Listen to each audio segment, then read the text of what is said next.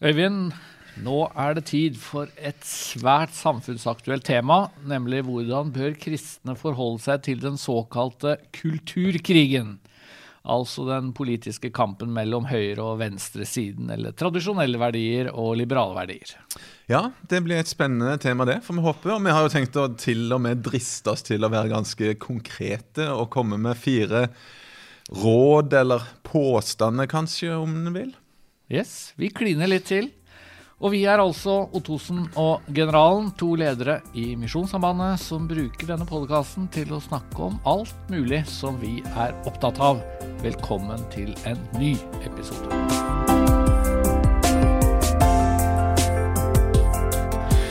Du, Det har vært litt tøffe tak i NLM de, den siste tida. Smitteutbrudd på et bedehus eh, på Askøy. Ja. Har du uh, opplevd litt uh, medieinteresse, du? Ja, det ble jo litt medieinteresse rundt det. og det, det er jo det var, For det første var det jo veldig leit og trist at det skulle skje, og vi håper jo inderlig at jeg klarer å få kontroll på det.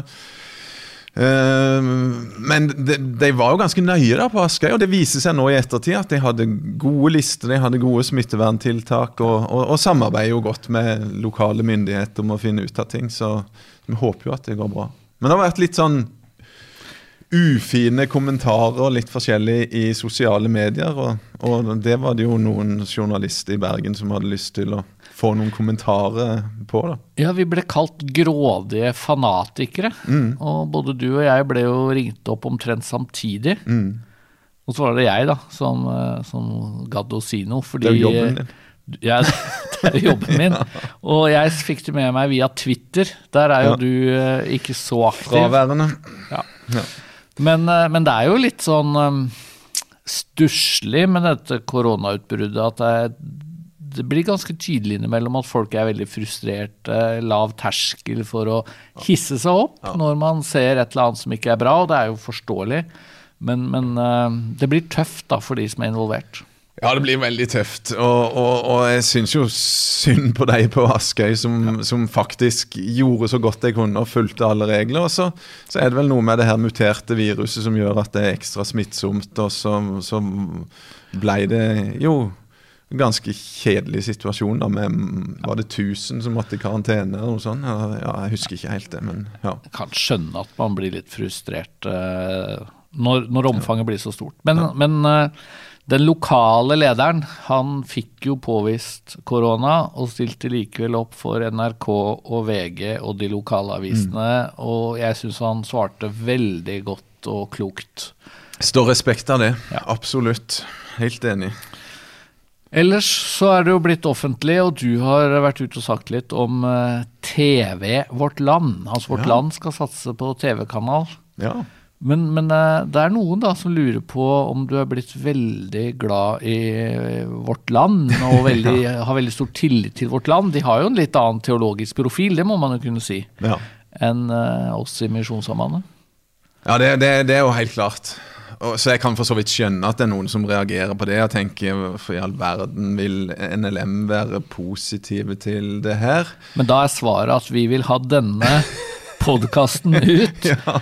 i så mange kanaler som overhodet mulig, om det så betyr å sluke en teologisk kamel. ja. Det er det? Eller har du noe annet? Det er kanskje noen som kan mistenke oss for ja, det. Okay.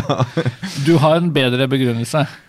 Ja, Min begrunnelse er jo at altså sånn generelt så, så, tenker jeg jo at i Misjonssambandet så har vi jo vært veldig ivrige etter å se, se etter anledningen til å få forkynne evangeliet. Og hvis jeg skal svare veldig enkelt på det her spørsmålet, her, så er det Jeg tror kanskje at uh, Vårt Land TV uh, eller TV Vårt Land, hvilken retning vei TV Vårt Land, TV Vårt Land. har vi øvd på, Øyvind, men ja, det glapp. Prøvde å øve på det før. uh, kan bli en plan. Altså, de, de, satser jo friskt, og de håper jo at, at denne kanalen kan få en sånn god plassering i de her kanalpakkene som de store tilbyderne mm, gir. Mm. Og det, det, kan jo potensielt bety mange seere, i alle fall i aldersgruppa over 50, som driver med lineær-TV fortsatt, og zapper litt og kikker litt på forskjellige kanaler. Er det, er det deg? Ja, Eller jeg- ja, du er jo over ja, er jo 50, det. i motsetning til meg. Ja, ja. Så du sitter Du zapper litt. Du, det er ikke Ja. bare streaming. Nei, streaming vet jeg nesten ikke hva er. Nei, men altså, poenget er iallfall at det kan være en, en Ja. mulighet. Og da er vi ganske pragmatiske. Det var vi når vi brukte Visjon Norge i sin tid, Ja. TV-kanalen. Der var det jo langt ifra alt vi var enige med, den, med de som styrte den kanalen i teologisk, men, men vi tenkte likevel at det kunne være brukbart. Men så slutta vi, og det har nesten alle gjort. Fordi at det ble såpass mye støy og såpass dominert av diverse folk som sto fram og kalte seg profeter, usunt pengemas, rett og slett vranglære, sånn at det ble vanskelig å ha en tilstedeværelse der. Ja. Så får vi gjøre noen vurderinger og erfaringer og se hvordan det går med Vårt Land-TV.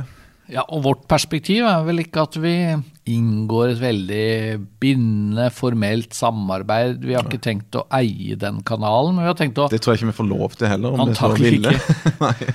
Men vi kan kanskje bruke den til Mm. å få ut ting vi har eh, tro for, og tenker at kan løfte kanalen, selvfølgelig. Og så må vi jo ha respekt for det som, som sies fra vårt land. Da, at, at er, de har et ønske om å faktisk forkynne evangeliet til befolkningen i Norge.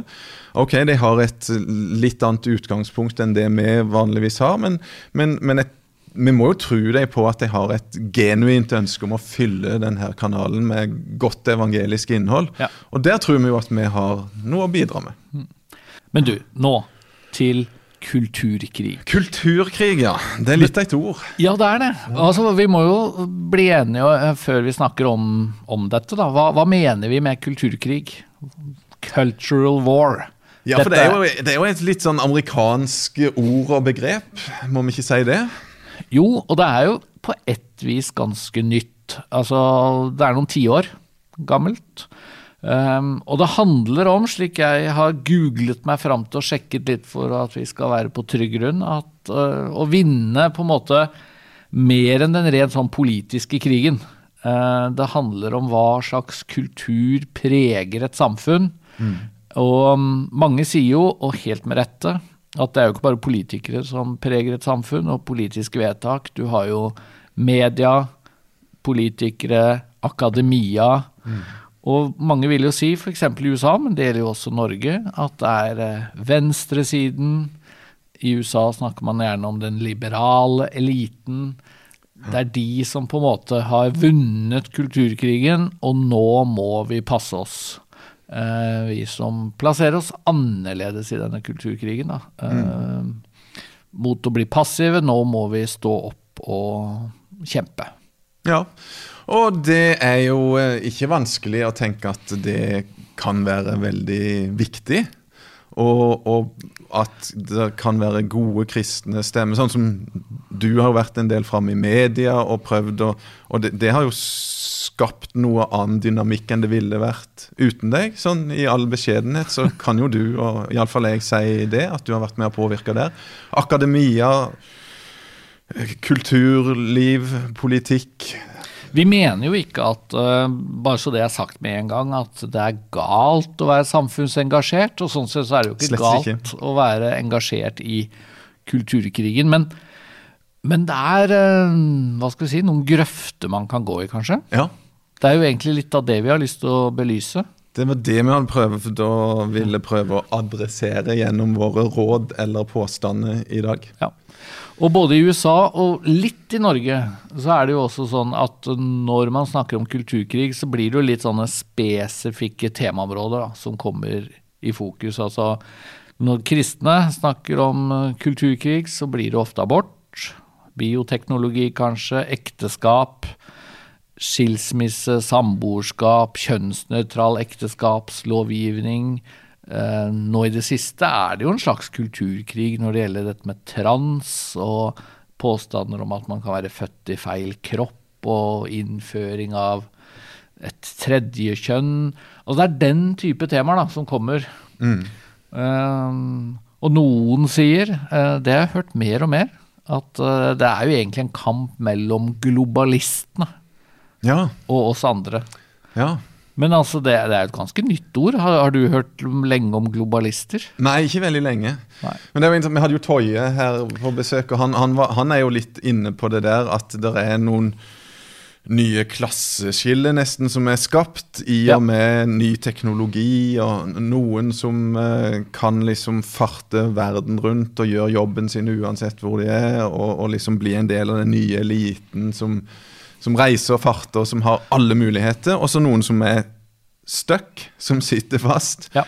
Og, og, og, må gjøre jobben sin, i den grad de har en jobb, på den plassen, og dårlig betalt. Og ja, du får et sånn veldig sterkt klasseskille der, da. Ja, globalisme, eller globalisering, er jo, er jo, et stikkord som er interessant. Men, men, det som jo er litt nytt, er å på en måte si at det fins to grupper, da, eller to retninger av det nær sagt. Men det er jo også typisk for, for denne kulturkrigen. Her, to grupper. To grupper. Vel, veldig, det blir jo veldig polarisert. Og, og, i USA så har det jo vært, det har vært interessant. Begge vi følger jo litt med, iallfall på amerikanske samfunnsforhold og politikk, og, og se den voldsomme polariseringa, altså todelinger, som har vært i USA, med noen ytterfløyer som er ganske langt ifra hverandre, og ganske hatske i utfallet mot hverandre. Og det virker på begge sider som det er lov å ta i bruk alle midler for å, å sverte den andre sida, og for å, for å, vinne kulturkampen. da. Ja. Så hva gjør man da, Øyvind, når man står som kristen i denne kulturkrigen? skal vi gå i gang med våre Vi har avtalt, så vi, ingen skal si at vi ikke forbereder oss skikkelig. Altså. Vi har uh, fire påstander som vi mener det er viktig å huske på. Så da blir det jo kanskje noen råd ut av dette. Mm. Og det første, veldig naturlig å ta da, for oss som representerer en misjonsorganisasjon, men det er altså viktigere, tenker vi, å vinne mennesker for Jesus enn å vinne politiske seire. Ja, en liten sånn naiv, kanskje, setning fra oss. Men som det ligger som, som, det bare er veldig, veldig viktig å huske på for oss uh, alle sammen. Og så kan man jo spørre seg ja, men mener ikke alle kristne det? Men har du en følelse uh, Jeg tror jeg kan innrømme at jeg har det, altså. Av at det er noen som i hvert fall litt argumenterer som at nå er det det å vinne en eller annen politisk seier som, som faktisk er det alt annet. Ja, det er på en måte det aller, aller viktigste, for ellers så går på en måte hele den vestlige sivilisasjonen til grunne. Ja. Og det, det, er jo et perspektiv som, som, er ganske skremmende på mange måter. Og, og, og, og vi tenker jo at vi ønsker å basere livene våre, tjenesten vår, tilværelsen på Bibelen. Og, og ut ifra det, ut ifra et samla bibelsk budskap, så er det iallfall ikke noe tvil om at det som er viktig, er å forkynne Guds kjærlighet og nåde og tilgivelse. Og forkynne omvendelse og muligheten til å eh, få liv og lys eh, og håp i Jesus. Ja, og, og hvis det er sånn som Jesus sier, og det tror jo vi, mm. at det er ingenting som er viktigere enn å samle skatter i himmelen, mm. som det står, så er det noe med at kan du redde ett menneske eller mange mennesker for evigheten? Eh, kan du bidra til at mennesket blir evig frelst? Så er det Det er noe helt annet, rett og slett, enn det å vinne Altså, si alle andre seire, da, alt annet, vil jo foregå eh, Eller være seire som er begrenset. Da. Ja. Alt blir smått alt i forhold blir smått i forhold ja. til et evighetsperspektiv. En sjel er verdt mer enn hele ja. verden. Men det, med, det, altså selv om vi ønsker å være litt hardtslående og tøffe, det er klart. så, så, vil vi jo gjerne være nyanserte. Ja. Og det er klart at det å bidra eh, til, i politikk og samfunn og media og forskjellig sånn, kan jo være med å gi oss et samfunn som, som blir godt og sunt sånn i utgangspunktet, og bidra til at mennesket faktisk får et møte med evangeliet og, eh, og kan ta imot og få et nytt ja. liv. Sånn at vi, vi, ønsker jo ikke å være de som polariserer aller mest. Uh, Nei, vi vil vel nesten polarisere minst, egentlig. Nei, men det er, det er, jo veldig sant. Altså, vi, vi, mener jo ikke at samfunnsengasjement, politikk, diakoni, bistand, alt dette er uviktig. Men det er noe med å ha med seg inn i disse debattene da, at uh, det aller viktigste uh, det er faktisk å, å vinne mennesker uh, for Jesus. Mm. Og, og, engasjere, og på en måte sette det først i livet. Da. Ja, og det er tydelige misjonsbefalinger vi har som Jesus ga oss. og, og alt det bibelske budskapet som, som, viser oss at Gud ønsker så inderlig å ha fellesskap med menneskene gjennom det han gjorde nå i påska, og alt som vi leser om, er jo det, er jo, det, er jo, det, er jo det, det peker på, alt sammen. Mm. Ja. Men jeg tenker også at eh, eller jeg har tenkt mye når det var eh, valgkamp i USA, og nå er det jo snart valgkamp her. Så kan ja. vi jo se om det, litt av det samme skjer. men men veldig mange har, blir jo veldig nærsynte. Eh, altså, det var utrolig mange, syns jeg, kristne stemmer som sa at ja, hvis ikke Trump vinner, og hvis Biden overtar, så, ja, så går på en måte USA til grunne. Mm. Eh, da kan vi få borgerkrig. Ja. Og dette er det viktigste valget noensinne. Mm. Um, og jeg tenker at det, er, det er, noe nærsynt da, ved eh, en del av de perspektivene. Og i hvert fall hvis de brukes for å si at nå kan vi nesten legge på en måte bort da, og til side det man skal drive med i kristen virksomhet, for nå handler det om politikk. Mm. Eh, jeg får litt inntrykk av, og det er nok en sterkere tendens i USA enn her, men den kommer nok hit òg, at Eh, når det drar seg mot et valg, så slutter pastorer å forkynne evangeliet, og, og, det blir partipolitisk mobilisering som foregår. Mm. Og det er jo ganske mange historier fra USA også om at dette valget splittet menigheter ganske grundig. Noe så veldig.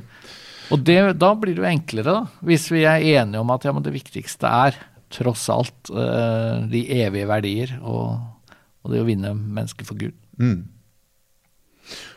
Og noe av det du sa nå, det føres jo inn på den andre påstanden, eller det andre rådet som vi har tenkt å gi. Altså det der nærsynte at hvis ikke vi nå vinner denne greia her, sånn som ja. vi tenker at vi bør og er viktig, så, så er det liksom Så, så er alt håp ute. ja. Vi har formulert det sånn. Gud er historiens herre om vi taper eller vinner kulturkrigen. Det er, det er, jo helt på grensen til å være et råd, da, men det er i hvert fall en vurdering som vi tror det er utrolig viktig faktisk å ta med seg. Fra mitt perspektiv i hvert fall så handler jo dette mye om at vi også driver misjon i områder av verden hvor eh, Altså det er en veldig kristendomsfiendtlig kultur, veldig mm. kristendomsfiendtlige myndigheter. Eh, Joe Biden blir jo Sammenligna med en del av de eh, myndighetene vi vet om rundt i verden, så blir jo han en godslig bestefar. Absolutt. Tross alt. Og, tross alt. Og, eller, ja Vi gir vel ikke noen vurdering av Joe Biden, egentlig. Nei, vi, her, jo, sånn vi, vi, ligger litt lavt ja. når det gjelder akkurat det. Men altså, selv om vi tar på alvor de aller mørkeste maleriene, hadde jeg nær sagt, mm. av Joe Bidens presidenttid. Og så nå får vi se hvordan det går, da. Mm. Men, men, likevel, altså Det er utrolig mye vanskeligere, helt sikkert, å være kristen i deler av Nord-Afrika, deler av Sentral-Asia, deler av Kina. Og så tenker jo vi at um, du kan jo være lys og salt. Mm. Du kan være en, et tydelig kristent menneske, til og med uh, sånne steder. Mm. Og du kan ha tillit til at Gud er historiens herre og har kontroll. Faktisk talt. Det, det, det har jo vært viktig for meg personlig å, å, å tenke mye på og søke trøst i i den tida her med pandemi, der det, det, det, er så mange ting som ikke vi rår over. Så mange ting som ser ut til å, å, å være veldig dårlig for misjon og for, for Guds rike. Mm. Og midt i en sånn situasjon, som, som ikke er så dramatisk tross alt da, for de fleste av oss, men likevel, Stole på at jo, Gud er historiens herre. Han, han har sin plan, og han fører historien og, og, sitt rike, da, for å bruke det uttrykket, fram på akkurat den måten som man har tenkt. Ja. Fram til den dagen han skal komme tilbake for å dømme levende og døde. Og så er det masse lærdom å ta av historien, da. Altså, ja. kristendommen har jo aldri vært mer i vekst enn de første århundrene etter Jesus. Og da var det jo forfølgelse. Mm. Da ble kristne iblant brukt som fakler av keiser Nero. De eh, ble kastet i fengsel, de ble, de ble drept. Altså, forfølgelsen stoppet ikke eh, misjon, og stoppet ikke den kristne veksten. Og Det betyr jo også at uansett hvor pessimistiske vi er ut ifra avkristning i Norge eller i den vestlige delen av verden, eh, det endrer jo dypest sett ikke noe for oss som tror på Gud som historiens herre, og den som kan vinne seier uansett. Nei, det gjør ikke det. Og, og, og den der, den der, Jeg syns det er veldig bra uttrykk det du brukte med å være nærsynt. da. Mm. Og, og, det er faktisk sånn at hvis du blir så nærsynt at du tenker at nå avhenger alt om vi vinner dette valget, eller om vi vinner denne kampsaken, eller sånn, så, så, så setter en seg jo sånn egentlig i Guds sted, da. Sant? Og tenke at ja. historiens utvikling det er faktisk avhengig av om vi som er her akkurat på dette tidspunktet i historien og i dette landet, vinner den seieren.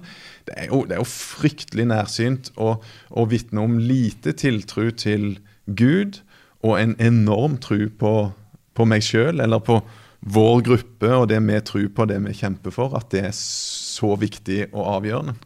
Så det er, det er noe med å eh, ha tru til Gud mm. i alle situasjoner. Vi var litt innom dette temaet her for eh, et par år siden eh, i NLM. Fordi da skrev altså Hallgrim Berg ja. Han skriver jo fast i dagen. Tidligere stortingsrepresentant for Høyre. Og en av de som er svært innvandringskritiske mm. og svært kritiske til at muslimer eh, vokser i antall i Norge. Mm. Eh, vi skrev jo litt til han i dagen, og noe av det han var kjempeopptatt av, det var at det hjelper på en måte ikke at vi driver med misjon overfor muslimer, for det er så få som tross alt blir kristne. Mm. Men, og da blir det på en måte en dråpe i havet sammenlignet med at det kommer eh, tusenvis på tusenvis av muslimer til Norge, og plutselig er muslimene i flertall, og det blir forbudt å drive misjon. Mm. Omtrent sånn argumenterte han. Og da svarte vi, og du fikk lyst til å protestere litt på perspektivet. Ja, jeg, jeg, det, det syns jeg jo absolutt er et perspektiv vi må protestere ganske kraftig på. Av, av, veldig mange grunner. altså sånn Statistisk så kan du jo si hvor mange muslimer som kommer til Norge. eller altså den, den, aller største gruppa innvandrere til Norge er vel svensker og polakker. ikke sant, Og, og, og ganske få muslimer. og sånn snikislamisering og, og, sånne påstander er livredde for. Altså. Vi, vi, jeg tenker Som kristne så er vi kalt til å være lys og salt, som du sier. Til å være gode naboer som tar imot mennesker som kommer til landet vårt. Det, det, går an å ha ulike tanker om hva slags asylpolitikk Norge skal føre, og sånne ting. Men, men vårt hovedbudskap må være at vi, vi, tar imot folk på en skikkelig god, gjestfri måte. Det er faktisk et veldig bibelsk tydelig budskap å ta imot gjester på en, på en skikkelig måte. Og, og, og det å, å, skape sånne fiendebilder Det er greit, det er, det, det, det er naturlig at det, er stor forskjell på islam og kristen tro. Og det er på en måte naturlig at en øh, setter det opp for Begge har jo én gud. ikke sant? Begge er jo misjonerende religioner osv. Så og sånn. Men, men Eh, å, tegne den type fiendebilde, sette folk opp mot hverandre, skape sånne stemninger i folket, det er vi veldig skeptiske til. Ja, og det, det, er jo Jeg tror det handler litt om akkurat dette stikkordet om tør vi å stole på at Gud har kontroll og er historiens herre? Mm. Eller setter vi oss med statistikken Og så lager vi en eller annen modell som tilsier at uh, muslimene kommer til å komme i flertall på et sånt tidspunkt. Mm. Og da vil de innføre sharia, og da uh, kommer på en måte alt til å bli helt forferdelig. Mm. Og Det er mange grunner til å protestere. Én grunn er jo litt sånn praktisk. altså Du har jo bodd i et, uh, en del av verden hvor sharia sto sterkt. Mm. Og du kunne være en tydelig kristen. Og det, det kunne jo faktisk eh, folk flest. Eh, det var jo på, på kysten av Kenya, der, der var det jo Ja. absolutt fullt mulig å leve fredelig sameksistens, muslimer og kristne, i en veldig stor grad iallfall. Så Og så finnes det selvfølgelig unntak, og jeg, Det det er veldig lett å forstå at folk kan bli skremt over uh, møtet med de ekstreme muslimene. Men det er jo også sånn at selv om muslimer på en måte kommer i flertall i Norge, så vil jo antagelig ganske mange av de muslimene som, som tilhører dette flertallet, ikke være troende muslimer, og i hvert fall ikke tenke islamistisk. Så det er jo mye å si om det, men, men jeg tror kanskje mitt hovedperspektiv er at ja, men hvis du tror på Gud, den sterkeste, så taper vi jo aldri. S- Selv ikke om, om demografien går imot oss, da, for å si det sånn. Skal vi gå videre? ja, må det. Tredje råd eller påstand. Vær forsiktig med å inngå uheldige allianser. Ja, for det kan jo være ganske fristende for noen. Ja, og det tenker jeg Altså, kulturkrig. Da er vi på en måte på den politiske banehalvdelen, selv om vi ikke bare snakker om politikk. Og hva må du gjøre på den politiske banehalvdelen? Jo, du må få et flertall. Ellers så taper du. Ellers så blir du nedstemt. Og eksempel vi i Norge. Kanskje er vi 5, 6, 7, 9, 11 prosent tydelige kristne. Mm. Vi taper jo alle kamper hvis vi ikke eh, får et flertall. Mm. Eh, Så hvem skal vi samarbeide med? Hvem skal vi gå sammen med? Der, altså, jeg heier egentlig på alliansebygging, jeg. Mm. Men, men det er et eller annet risikofylt også, da, ved å, ved å signalisere at vi er villige til å sluke hvilken kamel som helst, bare vi får det sånn eller sånn i et eller annet spørsmål.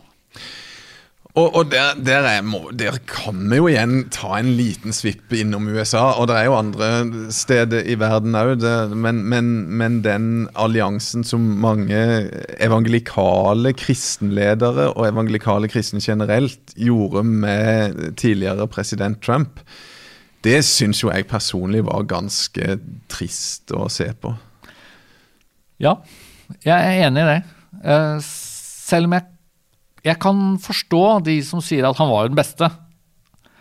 Men hvis Altså det er forskjell på det, å si at han er tross alt den beste løsningen, og si at han må være utvalgt av Gud og en, en Guds mann. Eh, Når det fantes åpenbare ting som evangelikale kristne bør si at dette her er problematisk for oss. Og, og det er klart Trump hadde sikkert skjønt da, at eh, hvis han skulle vinne de evangelikale stemmene, så var det noen ting som var viktige for deg. altså Abortspørsmål og, Ja. og, og ting som, som er viktig for deg og meg personlig. ikke sant? Eh, Her vi sitter i dag, i Ja. Norge.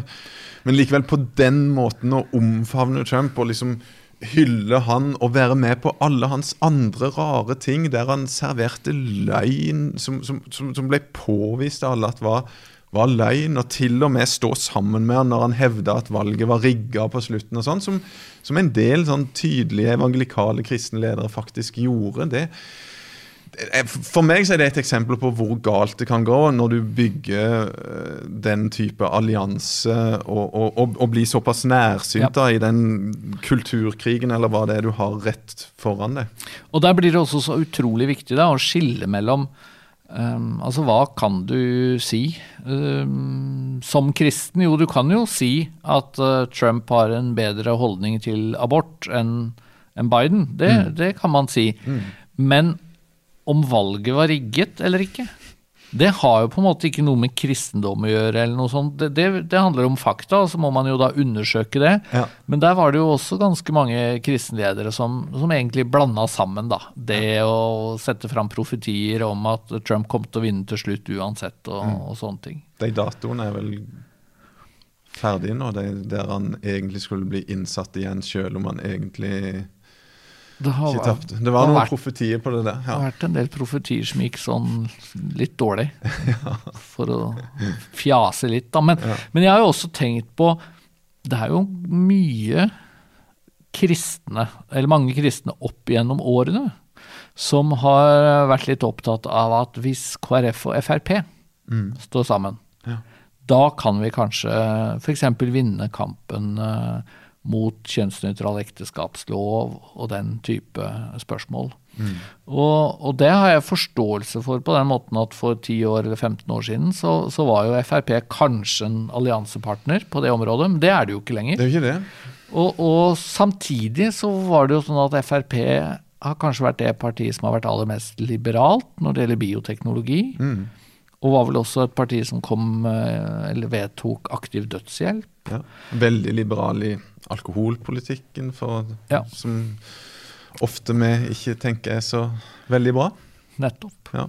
Så, så det, og det betyr jo at det, det kan i hvert fall fremstå som en uheldig allianse. Mm. Hvis du, sier, hvis du da velger ut et spørsmål, og jeg har ingen problemer med å si at spørsmålet om kjønnsnøytral ekteskapslov er viktig, men hvis du sier at det på en måte helt opplagt er så viktig at alle andre kameler bør svelges, det er, det er da det fort kan bli en, um, en rar allianse, og at vi kanskje også fremstår med dårlig integritet, rett og slett. Og det, det som jeg tenker er et ideal for oss, da, det, det er jo å, å, å holde fram de sakene som vi tenker er viktige. Prøve å, å nå fram i media. øh, og ha det med i forkynnelsen vår og, og holde temaet varmt i de forsamlingene er.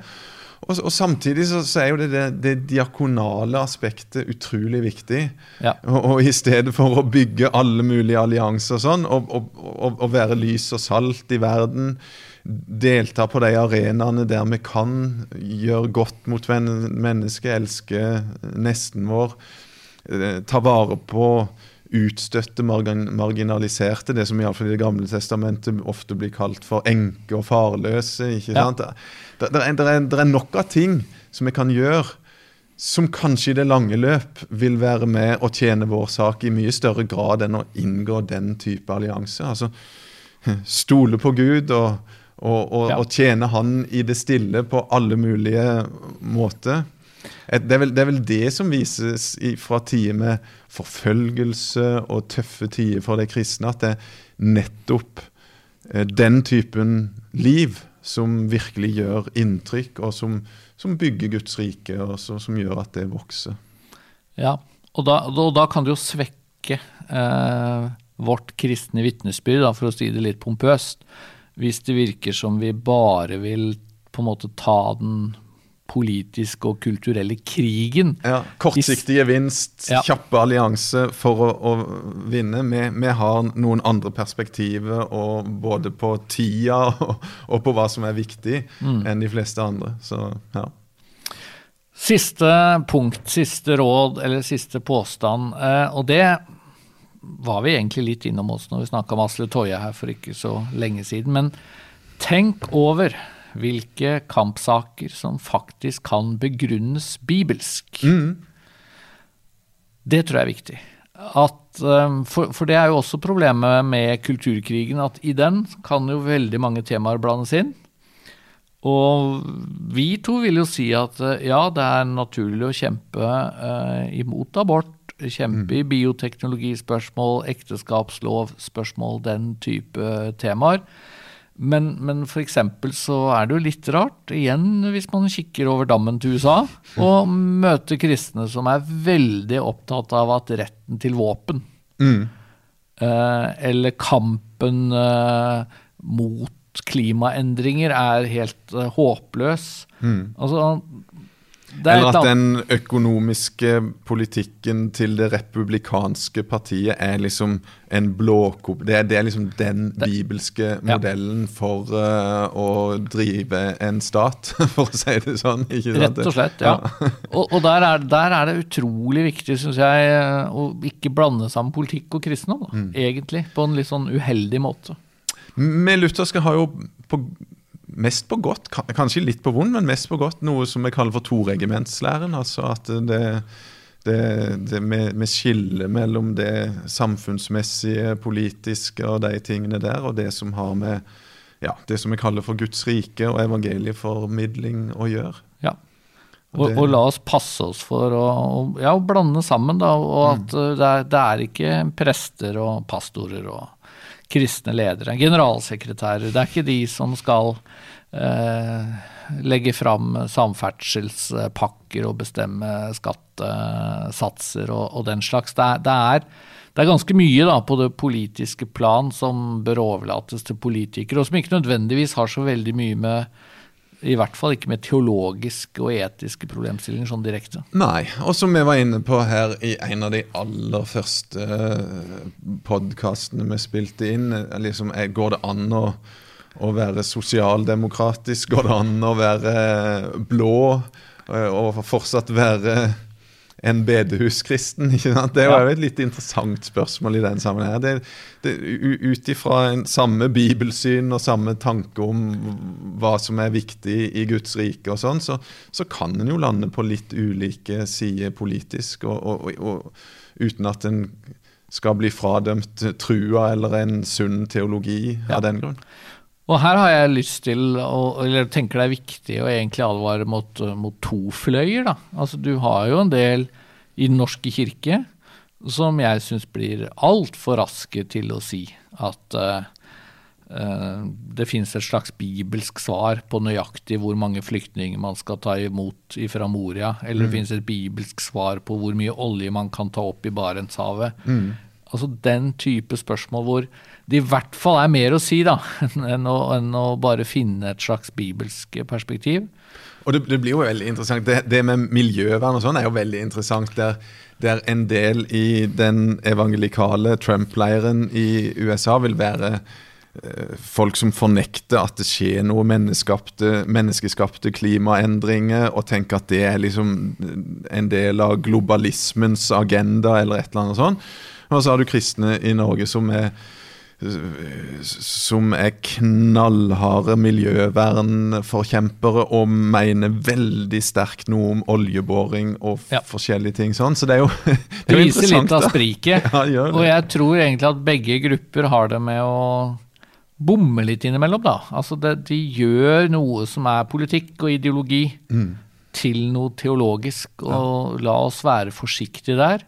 Og det blir jo også så viktig for bedehusene våre, for menigheter, for fellesskap. Altså, det må kunne gå an å ha sterk sympati med Høyre eller Frp, eller sterk sympati med SV, for den saks skyld, i, i noen spørsmål. Mm. Um, og så må man kunne stå sammen. Mm. Uh, og tenke at det er noe som forener oss, som, som da ikke handler om disse tradisjonelle høyre-venstre politiske spørsmålene. Og Vi har jo allerede nevnt noen. altså Hva kan du begrunne bibelsk? Det er jo en, det blir, det er jo en interessant øvelse å gjøre. da. Ja. Og Vi har jo sagt noe om, om, de prioriteringene som vi ser veldig tydelig i Bibelen, med misjonsbefaling og, å vinne ja. mennesker for himmelen, som vi starta med. Ja. Og, og, og, og, samfunnsoppdraget, ta vare på mennesker som er utstøtt. Jesus ga oss jo et godt eksempel. Gå rundt og gjør godt mot mennesker, helbrede Alt det her er jo veldig tydelig bibelsk forankra. Og, og, et forvalteroppdrag, ta vare på skaperverket og, og, være aktive på det. da. Jeg mener jo at alt det kan jo utledes veldig tydelig og enkelt av Bibelen. Ja, og jeg tenker det er veldig mye vi skal engasjere oss i og mene noe om. Men så er det vel kanskje et eller annet med at jo mer konkret og jo mer praktisk man blir, jo mer forlater man hva skal vi si, det prinsipielle og det bibelske, og må også bruke fornuften til å tenke over da, er det fornuftig å gjøre sånn, er det fornuftig å gjøre sånn. Ikke sant? Det, er, det er stor forskjell på å si vi skal ta vare på kloden, uh, forurensning uh, og det å lage menneskeskapte, altså det å utrydde dyrearter og den slags. Og så går det an å argumentere for at det er ukristelig. Mm.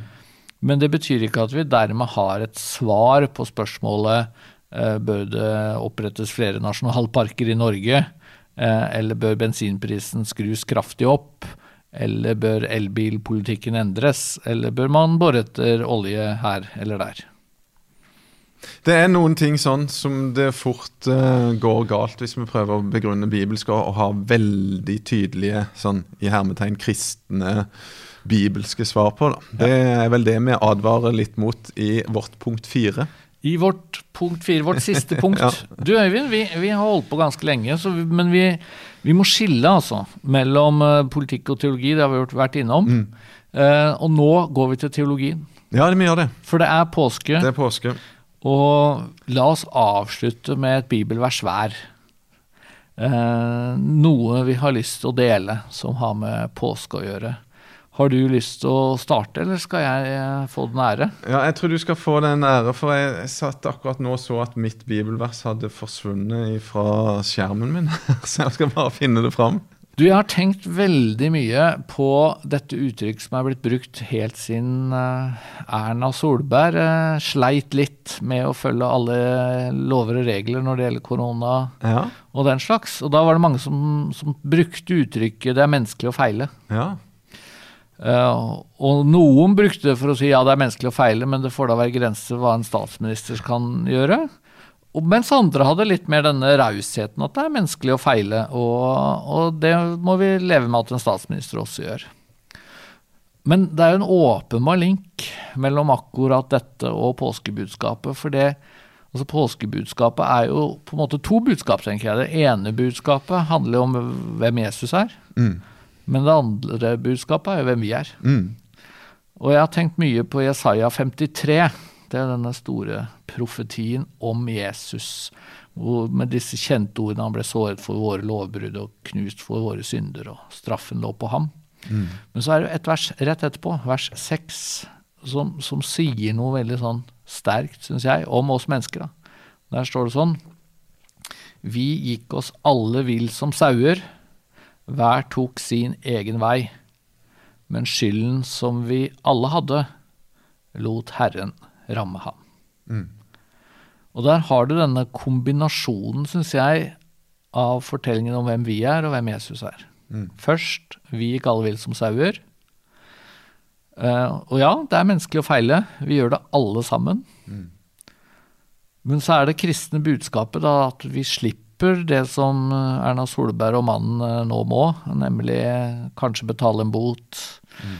Uh, settes uh, til å Eller de er jo blitt avhørt av politi, og det har vært mye oppslag om det. Og så er liksom det, det kristne påskebudskapet er Men skylden som vi alle hadde, lot Herren ramme ham, ramme mm. Jesus. Um, jeg tror jo det er noe vi alle trenger, uh, og som påsken minner oss om. At der var det en som bar straffen, mm. bar skylden for oss. For eh, her på jorda, sånn i møte med norsk politikk, politi, så kan vi jo stort sett gjøre opp for oss. Mm. Men i møte med Gud så trenger vi en annen som ordner. En stedfortreder. Mm. Ja. Det er, det er, jo i samme gata, da. Ikke veldig unaturlig. At, Siden det er påske. Det, ja. Men det, det, det er kolosserbrevet. Der er det et par um, veldig viktige vers som, som, er sentrale for meg, og som, mm. som har blitt igjen i, fra Kolosserbrevet 2, vers 14 og, og 15. Der, der, står det at gjeldsbrevet mot oss slettet han. Eh, det som var skrevet med lovbud. Han tok det bort fra oss da han naglet det til korset. Det er jo det som, akkurat det som du var inne på, uttrykt på en litt annen måte. Altså, mm. Vi har et gjeldsbrev, alle mennesker som ikke vi klarer å betale. Men, men, det tok han bort da han nagla det til korset med Jesus. Det, det er jo en veldig eh, god måte å si det på, som jeg tror ganske mange mennesker i dag kan kjenne seg igjen i. Det er Som er tynga av gjeld som det er vanskelig å betale mm, tilbake. Mm. Og, og, Bibelen sier at den gjelda den er det umulig for mennesket å betale, det som er skyldig Gud. Og det tok han altså bort da han nagla til korset. Og så vers 15. Han kledde maktene og åndskreftene nakne og stilte dem fram til spott og spe da han viste seg som seierherre over dem på korset. Hm. Det ja. er den andre delen av det ja. som Jesus gjorde på korset. Vant seier over alle makt og myndigheter.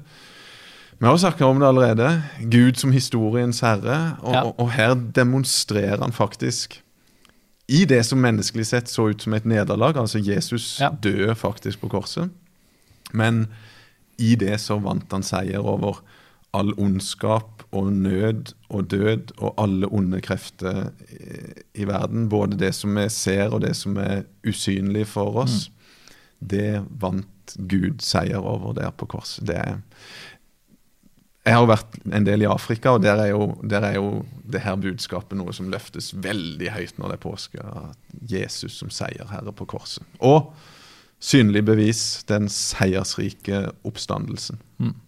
Så det er flotte perspektiver å ha med seg i påske. Og det vil være det siste vi sier. Det er flott å slutte på den måten. Vi takker de som har lyttet på og de som har sett på oss. Dette er jo også en videopodkast. Vi er tilbake med en ny episode en gang etter påske.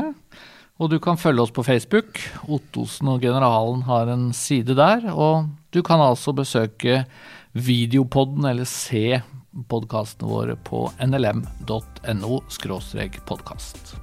Takk for nå, og god påske. Takk for nå. God påske.